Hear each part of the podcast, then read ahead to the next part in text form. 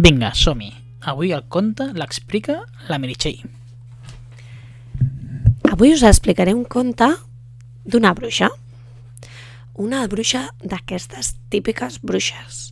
De pell verda, nas gran, una berruga d'aquestes peludes a la barbeta, amb el seu barret negre i punxegut, el seu vestit mig estripat, negre, fosc, amb una escombra d'aquestes de, de bruixa bruixa, d'aquestes com antigues, de palla, i amb una olla d'aquestes per fer encanteris.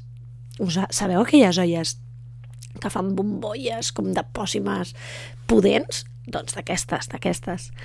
Doncs bé, aquesta bruixa tenia un gat. Evidentment, moltes les bruixes tenen gats. Aleshores era un gat negre i lila. I parlava, la bruixa parlava amb el gat. Tenien unes converses molt interessants. Perquè la bruixa es dedicava a fer pòssimes dolentes, pòssimes que convertien a la gent en granotes i grepaus, pòssimes que enverinaven a la gent i les deixaven adormides en somnis eterns, bueno, aquest tipus de bruixes, no? Aleshores, un bon dia el seu gat li deia, però no estàs cansada de ser una bruixa dolenta? Diu, no veus que estàs molt sola i ningú vol estar amb tu? I la bruixa deia, però és que sóc una bruixa. Les bruixes ja ho fem, aquestes coses. Fem pòssimes, encantem a la gent, som dolentes, som bruixes. Però a veure, tu t'agrada estar sola? Li va preguntar el gat. La bruixa es va quedar una mica estranyada del que li estava dient. I va dir, doncs no, la veritat no gaire, no m'agrada estar sola, però sóc una bruixa, haig de fer aquestes coses. I el gat li va dir si s'havia plantejat mai ser una bruixa bona. I va dir, ai, doncs no sé.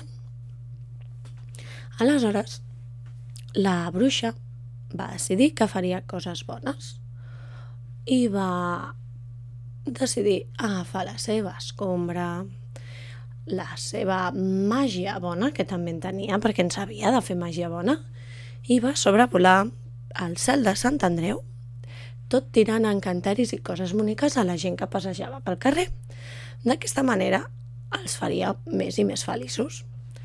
La bruixa estava ja una mica cansada de viure allà sola, en una en unes golfes fosques i velles i plenes d'humitats, amb aranyes i, i bitxos de tota mena, i ja estava farta de viure així i va decidir que havia de buscar un nou lloc on viure. I vet aquí que volant sobrevolant Sant Andreu va arribar a una escola i va dir, ui, diu aquí, diu aquí, deu haver molts nens. Normalment era de nit, eh? Es va colar a l'escola de nit. I, i va pensar, a veure, a veure què puc fer per aquí bo, per tothom. I va trobar la biblioteca. Una biblioteca amb molts contes i moltes històries boniques que els agradaven als nens i a les nenes que anaven a aquella escola. L'escola, que no us ho he dit, es deia Can Fabra.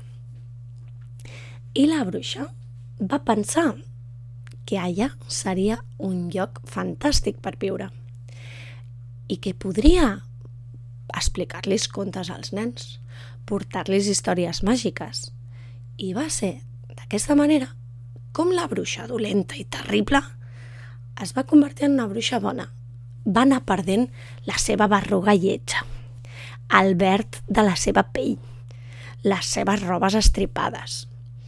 I es va acabar convertint en una bruixa d'allò més bonica, molt arreglada i molt maca. Sabeu com li van dir?